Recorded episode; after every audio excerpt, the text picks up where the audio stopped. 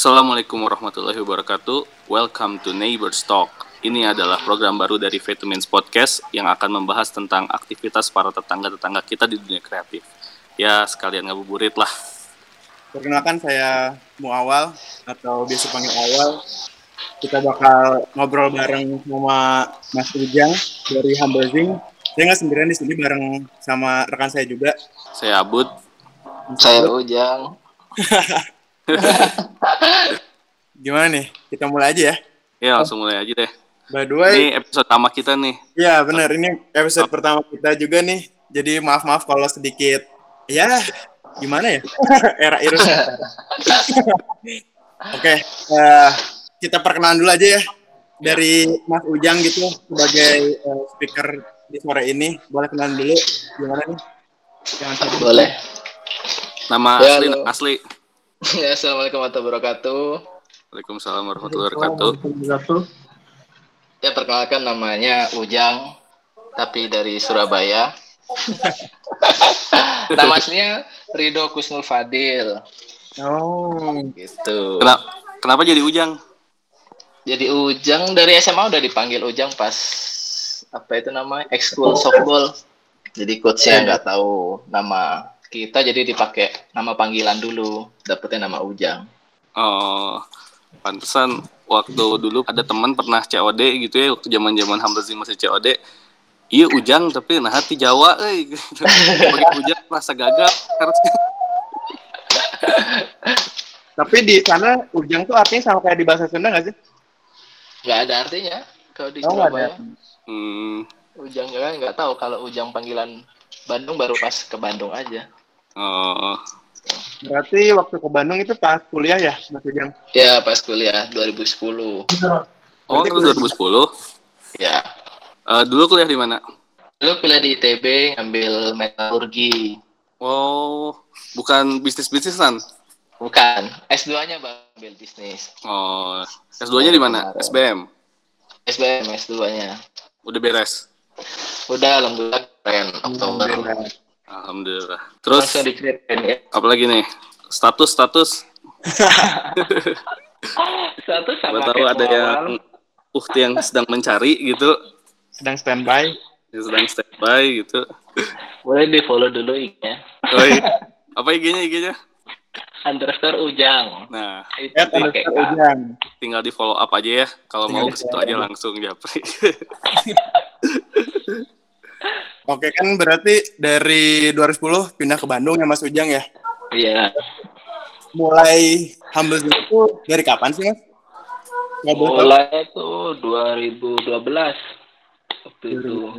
Jadi mau nyobain ikut pameran Look at namanya.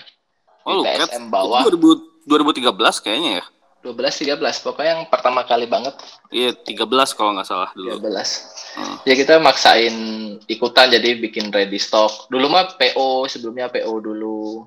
Hmm, Cuma nambah-nambah uang jajan aja jual di Facebook, Kaskus. Baru ready stock pas ikut pameran itu, Look Hmm. Ads pertama.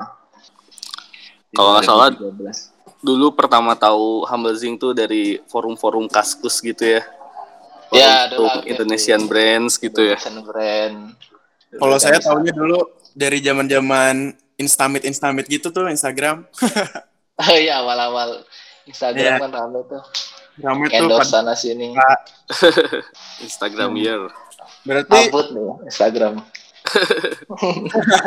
gegedug Sebagai user ya.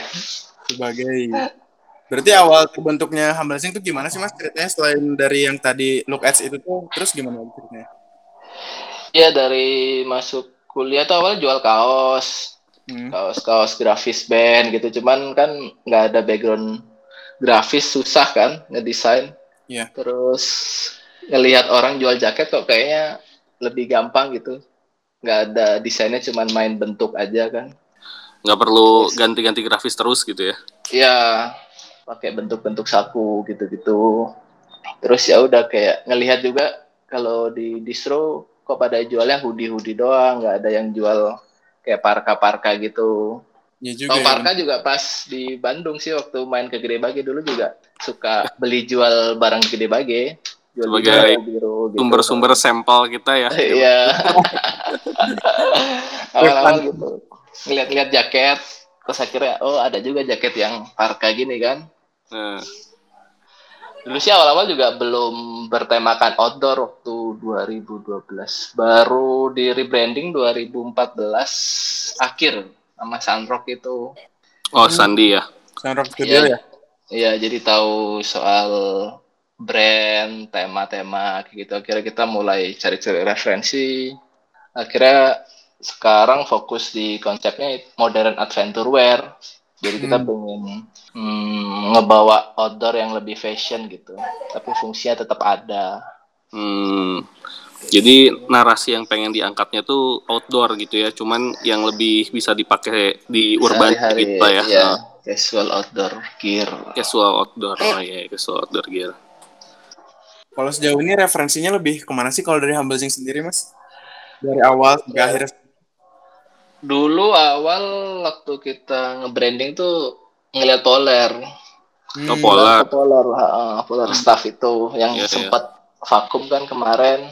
Iya, iya. Baru ada lagi. Terus ada Topo Design Hmm, ya ya ya ya ya. kayak gitu-gitu. Terus Era-era baru- ini ya.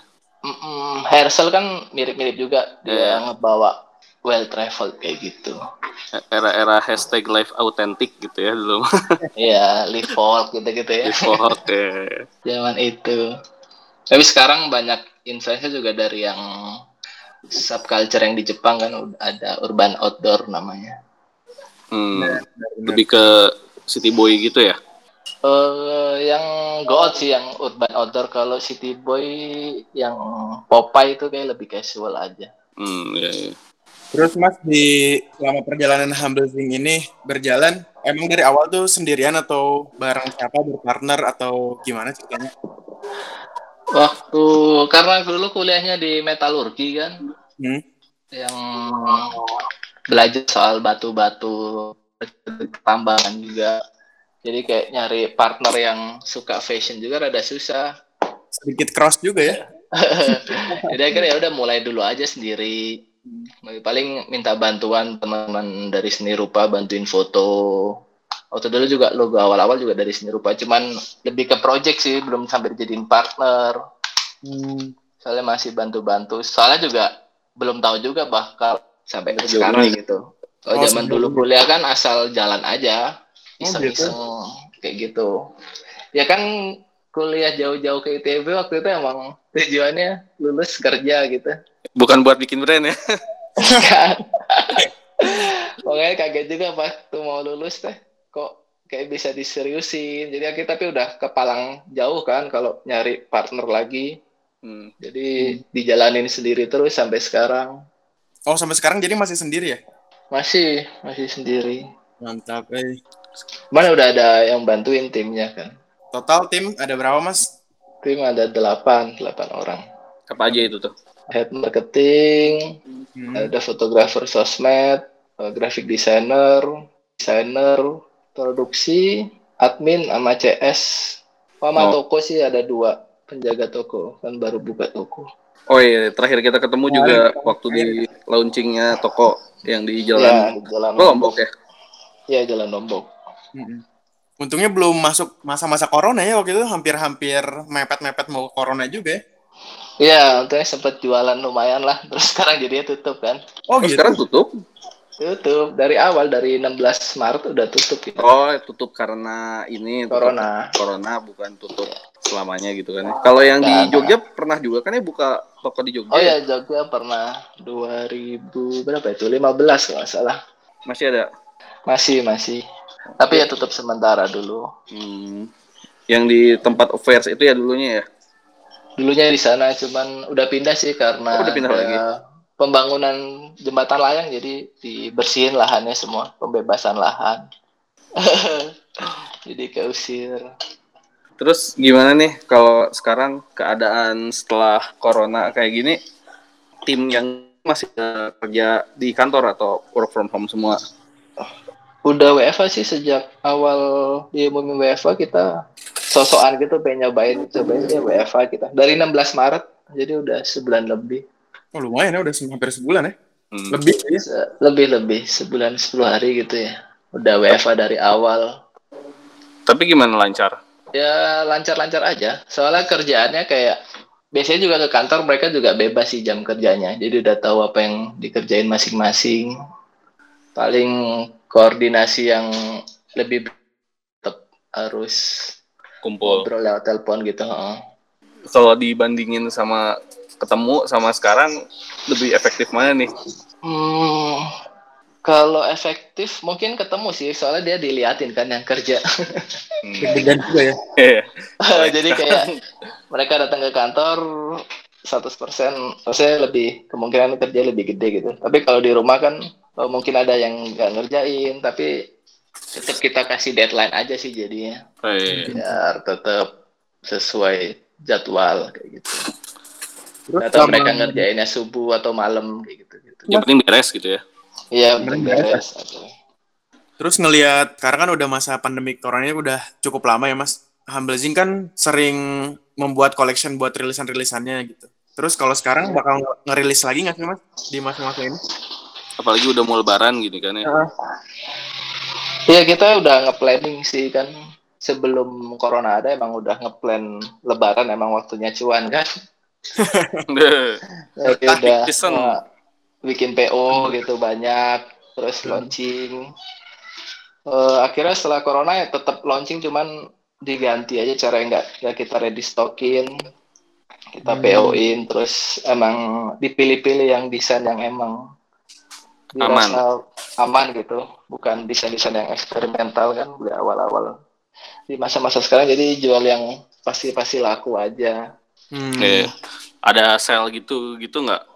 oh iya eh rasa drop emang waktu nggak ada sih waktu awal-awal ngasih diskon jualannya normal terus diskon udah habis dropnya langsung lumayan jadi kayaknya emang harus ada diskon terus kalau di masa corona gini Iya sih ya. Soalnya sekarang juga kondisi orang-orang juga ada yang lebih mengutamakan kebutuhan yang primer juga sih ya daripada fashion dulu gitu sekarang ya. Iya, lebih mikirin kesehatan dulu gitu ya. Tapi eh, kan kalau misalnya saya lihat eh, brand-brand lain gitu ada yang udah ngekat sebagian dari timnya gitu udah pada dikurangin gitu karena dampak dari corona ini. Kalau Humble Zing gimana? Masih aman? Alhamdulillah aman kalau yang tim kantor kan udah ada kerjanya masing-masing karena penjualan online tetap jalan kan. Tapi yang offline yang paling kan toko tutup sedangkan mereka juga kita pengen tetap ngebayar tapi akhirnya dikasih kerjaan lain gitu tapi kan nggak bisa jaga toko akhirnya kita kasih project yang lain biar mereka tetap ada kerjaan dan bisa dibayar gitu Jadi lebih ke di switch gitu ya si job desk-nya mungkin ya Mas. nambahin desk baru sih yang awalnya nggak ada posisi kayak akhirnya kita ngobrol lewat DM gitu kita DM satu-satu si customer kita ngobrol nah itu kerja baru buat anak toko dulu nggak ada posisi itu cuma dibikin selama pandemi ini biar mereka ada kerja dan ada pemasukan Menarik juga ya jadi satu apa ya? Solusi. jadi solusi juga solutif dan jadi Eh, kita kan juga mereka kan customer juga banyak waktu kan selama di rumah pegang HP jadi kita ngelihat peluang itu kayak kita ajak ngobrol eh, ngasih feedback kesan pesan tentang produknya gitu gitu Wah, aku nggak di DM ya Mas.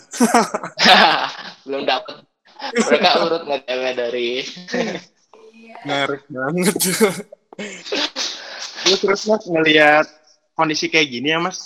Rencana kan kita belum tahu nih bakal sampai kapan sih si masa pandemi corona ini. Terus kalau dari Masnya dan Humble sendiri ada rencana apa sih buat ke depannya gitu untuk bisa tetap survive gitu ngelewat ngelewat masa-masa sulit ini?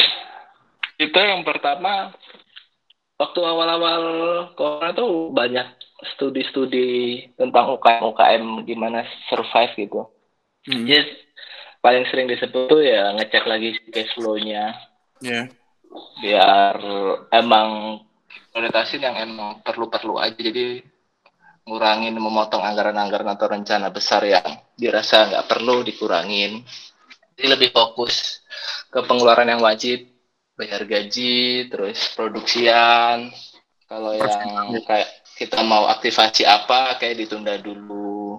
Jadi emang dipasang mode bertahan gitu. Kita pun ngeset uh, kita udah ngeset target tahun ini juga kita adjust lagi melihat situasi. Jadi kita pasangnya pasang asal kebayar aja tagihan-tagihan gitu. Nggak nggak ngejar kalau awal-awal sebelum corona kan ngejarnya untung kan. Yeah. ngejar profit. Dari kita aja yang ngejar asal plus plus aja kasarannya. Ada untung ya alhamdulillah kayak gitu. Jadi sekarang fokusnya bertahan ya? Ya terus ya kedua paling ya itu ngadain promo-promo promo yang berupa potongan harga dan semacamnya free ongkir bundling gitu. Soalnya kan emang orang-orang prioritasnya udah ke kesehatan. Jadi emang gimana cara biar tetap belanja, tetap ada urgensi buat belanja baju ya. Mau nggak mau harus di trigger dengan diskon kan kayak mikir mereka mikirnya kapan lagi ini ada diskon kayak gitu. Terus ngelihat sekarang banyak brand juga ya Mas. Kan banyak juga itu aktivasi buat kayak entah itu bikin masker atau donasi. Kalau dari sendiri bikin apa sih? Oh ya kemarin kita bulan April ada campaign namanya belanja sambil berdonasi. Jadi setiap yang belanja di bulan April tuh sama dengan nyumbang satu hazmat hmm. si APD itu. Atau bisa juga dua paket makanan di pegangan tangan gitu. Hmm. Jadi yang belanja di bulan April uh, sama dengan nyumbang satu hazmat atau dua paket makanan. Terus kita juga ngasih free masker sih selama pembelian. Oh, bikin juga masker? Bikin yang gratisnya selama pembelian, tapi nanti juga lagi bikin yang buat dijualnya sih. Satu set gitu. Nah, ini menarik sih ngomongin masker. Kalau dulu kan masker masuknya buat yang difokuskan untuk yang medis gitu ya. Tapi sekarang kan stok udah mulai normal lah perlahan gitu ya. Dan udah diwajibin juga untuk memakai masker kain gitu. Di jalan-jalan juga udah mulai banyak juga sih yang jualan masker kain murah-murah kayak gitu 5000, 3000 gitu kalau kita lihat. Uh, kayaknya tuh ini udah saatnya gitu orang kan udah mulai bisa milih ya sekarang ya. Jadi kayak orang tuh kalau keluar pengen pakai masker yang kayak gimana gitu. Jadi dari sisi fashion juga sekarang masker udah mulai dipertimbangkan gitu dan Jadi udah mulai banyak brand juga sih yang bikin masker secara serius gitu. Yang bukan hmm. cuman untuk giveaway gitu. Iya ngelihat semua orang kayak meskipun setelah corona juga kayaknya masker udah bisa jadi salah satu item fashion. Hmm. karena kan orang-orang udah makin sadar kalau penyebaran virus itu oleh banyak juga lewat bersihin orang. Sebenarnya virus flu kalau kita lagi ke tempat keramaian kalau kita nggak pakai masker terus daya tahan tubuh lagi lemah bisa kena influenza. Iya. Yeah. Jadi emang kalau di Jepang kan emang udah mereka tiap hari ya. komuter ketemu banyak orang mereka selalu pakai masker karena emang bukan masa corona doang karena emang tiap hari emang mereka tahu untuk mencegah sakit juga pakai masker dan mungkin karena ini juga mungkin next setelah pandemi bisa aja udah terjadi budaya baru si pakai masker hmm. ini jadi new normal ya. Iya orang-orang juga uh, karena dipakai jadi dihubungin lah ke arah ke fashionnya kan. Jadi pengen tetap satu set dengan gayanya mereka atau gimana. Jadi item fashion gitu juga nanti. Iya yes, sih kalau ngeliat masker bakal jadi salah satu item fashion yang buat melengkapi stylean seseorang iya. Gitu ya. terus mas kalau dari Humble Zing sendiri ada ini nggak sih mas? Selain tadi gitu ya ada job desk baru terus ada adjustment buat bisnisnya. Ada ini nggak sih kalau dari Mas Ujang sendiri ada nggak sih tips atau trik gitu buat ya melewati masa-masa sulit ini? Kan Mas Ujang juga salah satu pendatang juga gitu ya di Bandung teh gitu ya. Terus gimana gitu? Eh, akhirnya kan mungkin Lebaran ini mungkin nggak akan bisa pulang lagi nggak akan bisa pulang dulu dari segi brandnya jualannya? Iya. Dari segi brand dulu baru personal. kalau di brand sih kita tetap ads atau tetap promosi iklan gitu tetap jalan. Soalnya takutnya emang kalau kita emang beneran potong budget tiba-tiba terus emang langsung drop semuanya gitu. Soalnya kemarin sih sebenarnya kita mulai kerasa drop di minggu kedua April Hmm. Emang setelah diskon yang nggak ada gitu, makanya kita mau coba. Kayak emang harus ada diskon gitu. Untuk situasi terus, sekarang mah ya. Ya, terus ads tetap jalan, cuma emang dipantau ketat aja kalau emang udah melebihi budget dibanding omset ya selalu kita adjust cepat gitu si budgetnya paling kita juga nyari-nyari lagi nyari-nyari kayak kayak banyak influencer-influencer yang ngebuka free endorse ya kita Iya, iya. juga seneng iya kirim barang jadi kan dulu kan harus bayar sekarang mereka ngebantu dengan ngasih free review kayak gitu gitu Berarti akhirnya jadi post di jualan online ya mas sekarang? Iya, soalnya kita masih yakin sih orang-orang sebenarnya eh, daya belinya ada gitu. Asal THR masih turun ya. mereka kan tetap harus belanja. Katanya juga selama di rumah sebenarnya mereka Shopee gitu masih makin rame. Jadi rame. lebih konsumtif ya. Iya. Cuman mungkin eh, kalau baju mungkin mikir kayak ya cewek-cewek kayak beli skincare gitu makin naik.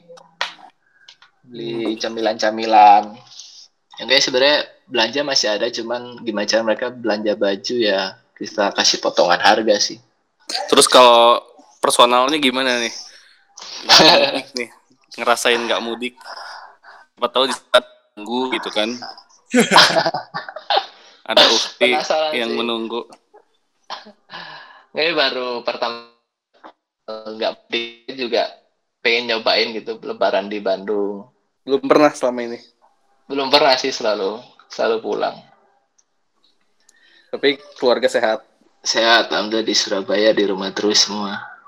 Alhamdulillah. Ini ngomong-ngomong keluarga ya, kan eh, Ujang sendiri tuh lulusan ITB gitu ya, yang mana lulusan ITB itu adalah idaman para orang tua juga lah, maupun Amin. mertua juga sih. Tapi setelah lulus malah bikin brand gitu. Itu di awal gimana tuh sama orang tua? Emang nggak apa-apa? Atau sempat ada omongan dulu? Eh di emang udah tahu di awal tuh bakal nggak dibolehin karena yang nyaranin masuk ITB dan jurusan itu sebenarnya orang tua. Waktu SMA maunya manajemen, emang mau bisnis gitu. Hmm.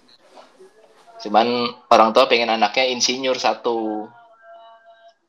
Jadi di pilihlah ITB biar jadi insinyur. Terus pas mau lulus emang gitu nggak nggak dicepetin lulus. Tapi kayak sengaja ngontrak kantor dulu, hire orang.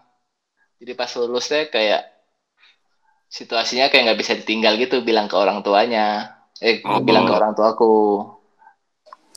Iya iya iya. Jadi, strategi itu ya? Iya strategi nunda lulus kontrak kontrak kantor hire orang terus pas wisuda kan datang ngelihat udah ada kerjaan setelah lulus gitu. Hmm. tapi tetap sih setelah lulus juga tetap dikirimin apa lowongan-lowongan kerja kayak gitu gitu tetap pengen suruh kerja. Cuman ya sabar aja kita juga ngobrol kalau bukan nyarinya bukan soal duit doang.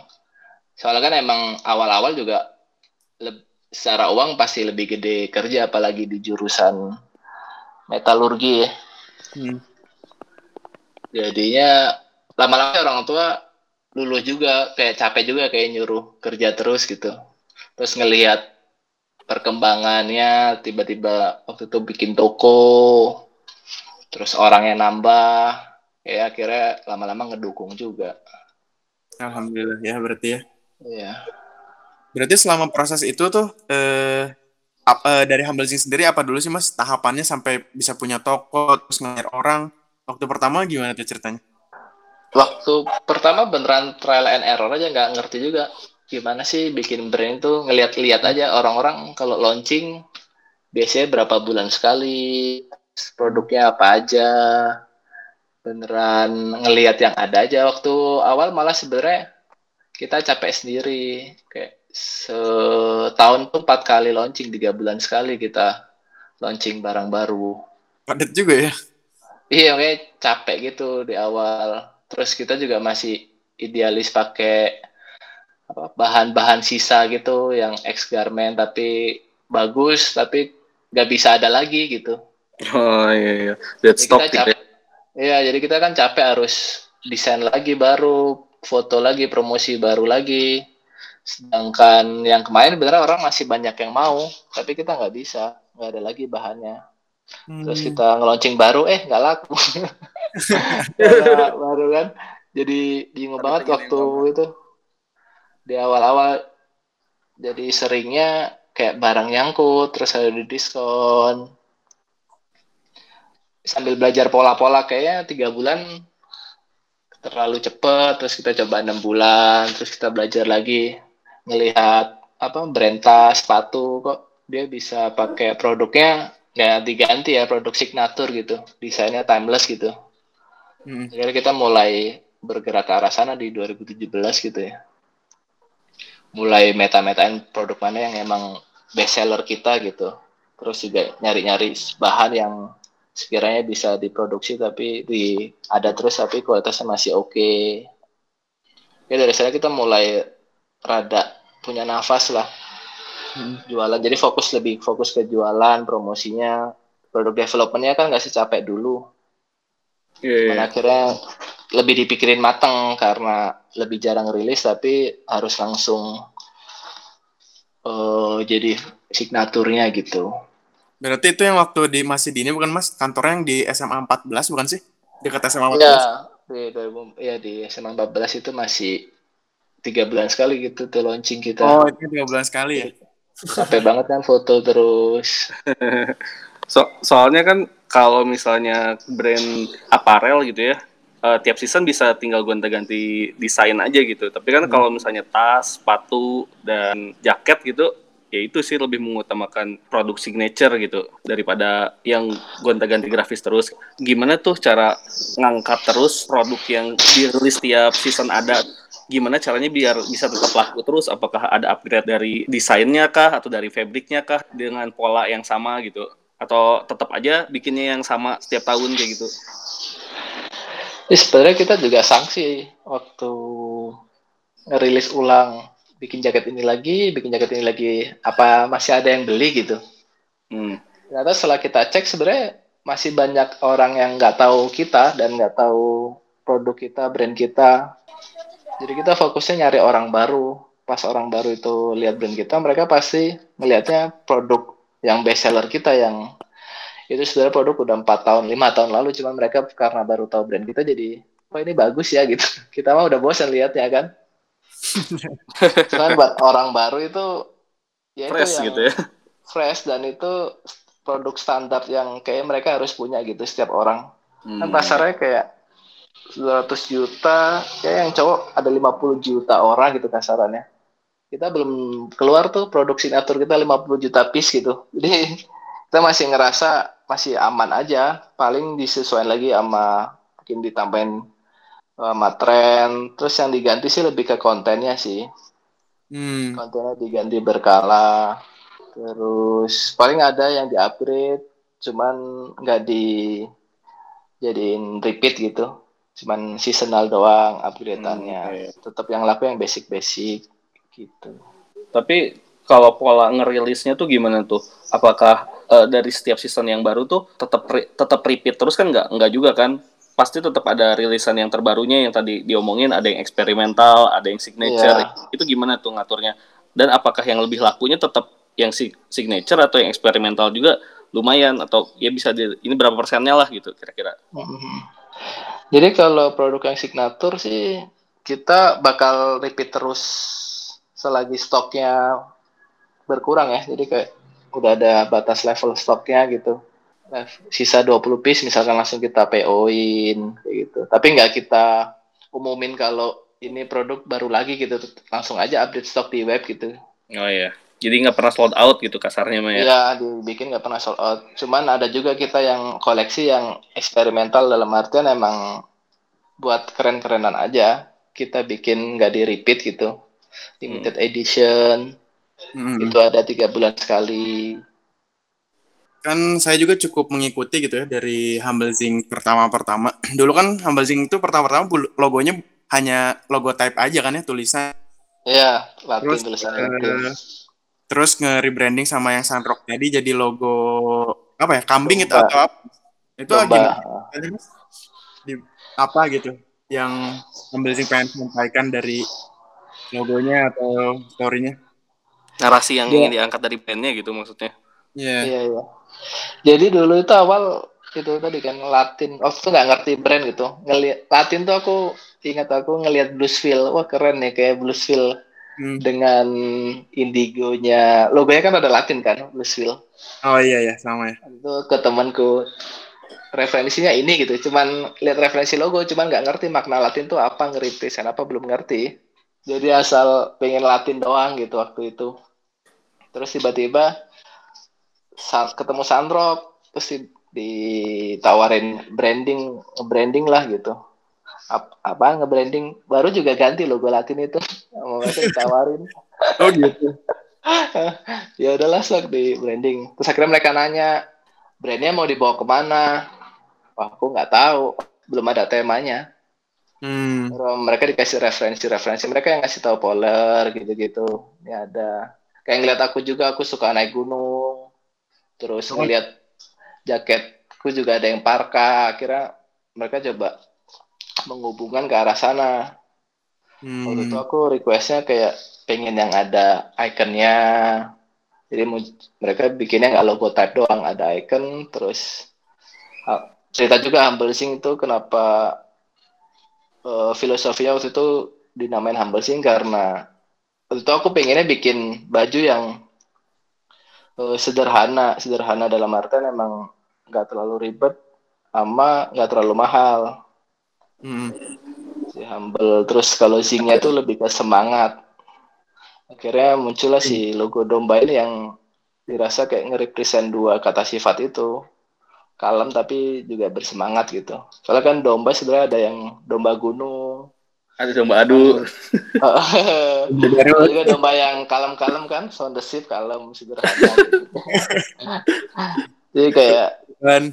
domba bisa nge-represent humble dan zing itu Terus terus Mas, kalau misalkan yang tadi kan sempat disebutin ya, eh, Mas Ujang juga tadi ada eh, setiap apa ya tadi penjualan tuh ada didonasikan gitu ke pegang. Dan akhir-akhir ini kalau ngelihat eh, postingan Mas Ujang sendiri kan lagi aktif juga tuh di eh, movement pegangan tangan ya. Bisa diceritain nggak sih Mas? Pegangan tangan tuh apa sih? apa yang melatar belakanginya gitu Hmm.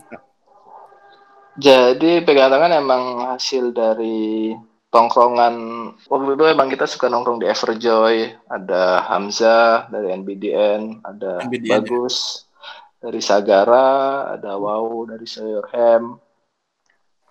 Terus ngelihat masa apa namanya Corona ini ngelihat nggak cuma masalah kesehatan kan dampaknya Iya. dampaknya di masalah ekonomi terus kita ngelihat untungnya yang mereka yang berjualan online masih bisa beroperasi yang kedampak banget yang jualannya pure offline apalagi yang makanan yang ngandelin dine in Iya, iya. mudah datang akhirnya kita cobalah bikin gerakan yang konsepnya itu satu gerakan tiga manfaat Hmm. Jadi ada ada pemilik resto atau tempat makan, terus yang kedua penyedia jasa transportasi, terus yang ketiga penerima donasinya orang-orang yang harus tetap keluar, tetap untuk nyari makan tetap harus keluar nggak bisa work from home kayak gitu.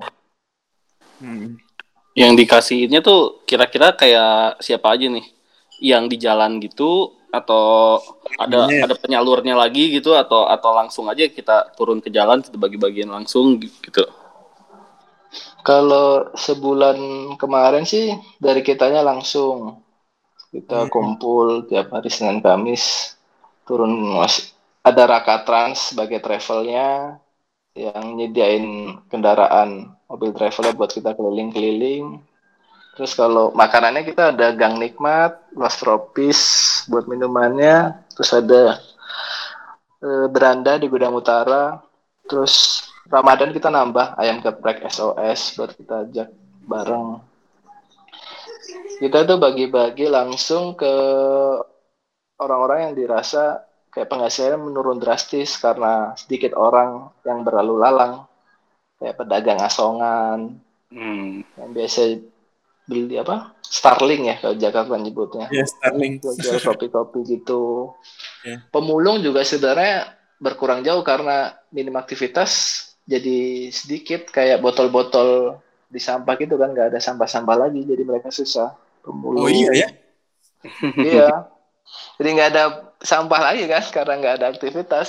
Jadi Iya, mereka mulung teh kosong sebenarnya bawa karung nggak ada sampah. Hmm. Sampai berdampak sampai sana juga ya, Mas ternyata. Iya. Makanya kita Oh. juga baru kayak tukang becak di pasar. Pasar Oh, nggak iya. ada aktivitas kan. Iya, iya. Mereka bingung. Hmm. Jadi kita sedikit bantu dengan kayak ngasih makanan jadi mereka udah kan mereka nyari uang buat makan kan setidaknya ya udah mereka bisa terbantu dengan perutnya kenyang gitu. Kalau paketan yang dikasihnya apa aja tuh? Makanan, ada minuman atau ada apa lagi? Iya paketnya kita ada makanan, terus minuman dari Les Tropis itu, terus ngasih vitamin, terus kemarin beber karena yang masker wajib, akhirnya kita mulai nambahin masker. Terus kalau hand sanitizer sih kemarin karena donasi kita belum nyari lagi sih sourcingnya buat ngasih hand sanitizer, kayak gitu paketnya. Hmm, iya iya iya. Ada vitamin juga dikasih vitamin. Terus nyebarin si donasinya ke mana aja, Mas? Berarti di buat saat ini di mana? Di kota Bandung aja kah atau ke mana? Iya di Bandung aja kalau bulan kemarin sih kita keliling-keliling aja ganti-ganti.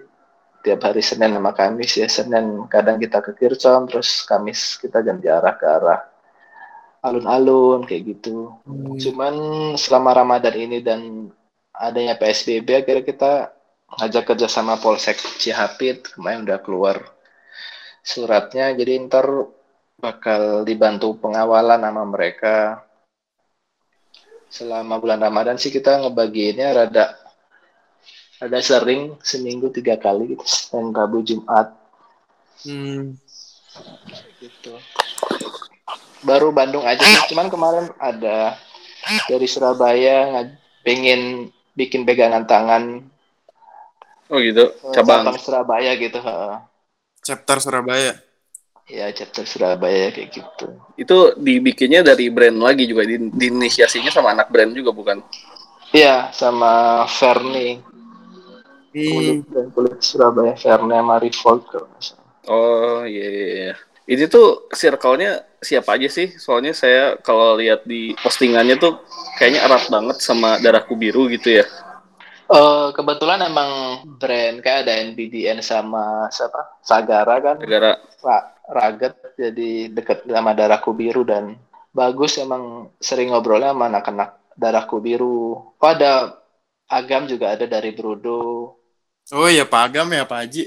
Agam ada. Kebetulan aja kita eh, bagus deket sama darahku biru juga kemarin dapat donasi dan ngobrol-ngobrol lah dibantu promosi gitu. Terus Mas kalau misalkan pengen ikut berdonasi gitu ya, bisa ke mana sih? Kalau misalkan mau ikut berdonasi ke pegangan tangan? atau atau berkontribusi bisa gabung juga gitu nggak ikut berbagi ilmu? Bisa. Ada di Instagram pegangan tangan. Hmm. Instagramnya apa? Mas? Instagramnya underscore eh pegangan tangan underscore. Pegangan tangan Nanti di di sana ada nomor rekening donasi, terus ada kontak person juga kalau mau ikutan bisa join. Kita sih bulan Ramadan udah fix jadwalnya karena udah koordinasi sama polisi tiap Senin Rabu Jumat kumpulnya di Polsek Cihapit sekitar jam 4. Berarti untuk yang mau berdonasi bisa langsung cek ke Instagramnya aja ya, pegangan tangan Iya. Pegang tangan underscore di sana ada rekening donasinya. Terus kalau mau join juga bisa DM aja konfirmasi, nanya dulu bisa. Betul, betul, betul. Masya Allah ya ternyata lingkungan brand-brand Bandung sangat apa ya Peduli gitu ya maksudnya. peduli gitu ya. gitu. Soalnya ini emang jarang yang dilihat oleh pemerintah mungkin atau mungkin dari sisi yang lain gitu karena kalau ngeliat tadi sampai ya rekan-rekan yang mulung lah taruh gitu ya pun jadi kena dampaknya gitu sejauh itu. Iya pedagang asongan juga eh, kerasa banget katanya jualannya emang drop drastis. yang pedagang di jalanan itu. Oh iya. iya. Alhamdulillah nih udah berapa menit nih kita Kerasa ya udah hampir udah tinggal 15 menit lagi nih. Kira-kira di Instagram ada pertanyaan nggak? Kalau mau bertanya tentang humble zing atau mau nanyain tentang yang tadi udah dibahas gitu ya, tentang pegangan tangan untuk berdonasi, boleh langsung tanyain di komen atau DM ke Vitamins. Berarti kalau pegangan tangan tuh bisa kita donasi uang dan juga kalau misalnya kita punya usaha makanan gitu kita bisa langsung support makanan juga gitu ya. Oh ya bisa support makanan. Kemarin ada yang ngasih sayur malah. Wah sayur, sayur mentah itu. Iya dari perkebunan organik gitu. Hmm, nyumbang sayur. iya sih. Jangan Indomie terus ya. Selama Ramadan ini aman ya? Sahur gitu sambil berbuka. Alhamdulillah kemarin kelewat. Baru kelewat satu. Baru kelas satu aman tapi ya puasa masih lancar ya. Aman aman. Lagi nyariin yang bangunin. Aduh, masih mencari jadi nih statusnya nih masih mencari, masih menunggu. Masih menunggu. Kalau tahu gitu mah posternya tadi muka aja padahal. Biar to the point. Eh Mas nih ada kayaknya ada yang ada yang nanya nih dari Instagram. So, Eh, ada yang nanya, Mas, buat Mas Ujang nih, Mas gimana caranya menyeleksi orang-orang di Humble Zing supaya bisa dipercaya? Gimana tuh? Seleksi orang-orang bisa dipercaya. Kalau rasa percaya sih ditumbuhkan ya waktu kita awal sih hiringnya berdasarkan si attitude sama apa kinerjanya dia. Hmm. Setelah itu nilai-nilainya ditanamkan selama bekerja. Jadi emang prinsip di kantor ngomongnya kita bebas bertanggung jawab. Jam kerja itu sebenarnya bebas mereka masuk jam berapa, cuman asal 8 jam aja. Jadi mereka datang jam 12 ya pulang jam 8. Kalau pengen pulang lebih cepat ya datang lebih awal. Hmm. Jadi karena kita memperlakukan bebas bertanggung jawab itu mungkin mereka juga akhirnya eh tahu kalau sebenarnya ini juga tanggung jawab tahu tanggung jawabnya masing-masing gitu. Selebihnya sih juga dikasih tahu kalau eh, di humble sini juga ajang mereka untuk mengembangkan diri gitu. Jadi bukan masalah perusahaan perusahaannya dianggap perusahaan milik mereka juga gitu. Kalau mereka berusaha maksudnya bekerja dengan maksimal mereka juga bakal dapat hasilnya ke diri mereka sendiri gitu nggak cuman ke perusahaan Jadi bisa jadi si kepercayaan itu tuh ditanamkan gitu ya Mas sambil dia nge-explore terus di dalam Zing sendiri ya perusahaan. Iya ditanamin apa ya sense of belonging lah. Rasa Hmm. kepemilikan kepada brandnya gitu. Jadi kan mereka dibuat kayak mereka bangga kerja di brand Humble Zing terus mereka juga apa namanya sama kita juga diberi kelelusan kebebasan lah buat mengatur waktunya gitu. Akhirnya kan udah gede juga. Mereka juga kayak sadar diri lah untungnya.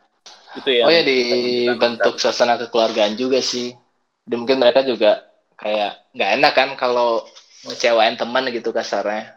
Jadi bukan nganggep cuman kerja doang tapi ya udah ini kayak ngebantuin temen jadi lebih ke numbuhin rasa kekeluargaan itu tadi.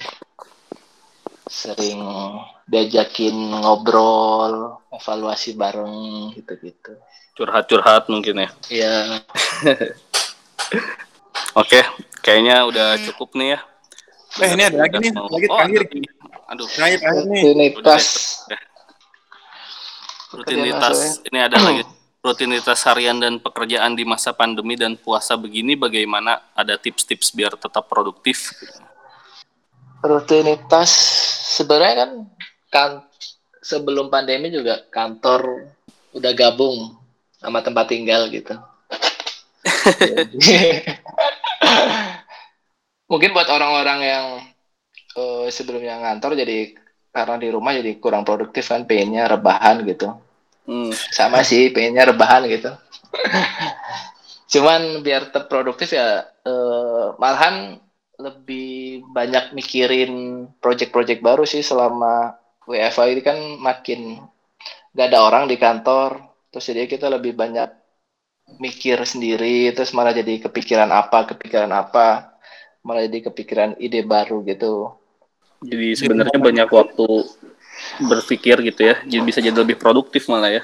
iya dari kitanya paling kalau pengen tetap produktif ya emang harus ada jadwalnya sih ya bikin jadwal prioritas kayak gitu-gitu dan emang ditanamin dalam diri emang harus apa namanya produktif gitu Oke oke oke. Kayaknya udah ya cukup ya terakhir tadi ya. Betul. Ini kayaknya udah pada mau buka juga nih. Sekarang ada yang lagi nyiap-nyiapin buka. Mungkin ini pertanyaan terakhir sebagai penutup buat Ujang. Pertanyaan pamungkas gitu. Nanti buka mau pakai apa, Ujang? kayaknya ada yang ngebawain makanan Ini, Gojek. Iya, Gojek. iya Gojek bukan pakai ayam kecap ya Oh iya. Mantap, mantap. Selamat menikmati buka lah. Ini udah mau buka, Selamat menyiapkan juga. udah menyiapkan. Oke, gitu aja. Wal, Oke. ada lagi Wal? Begitu saja mungkin ya. Ditutup saja.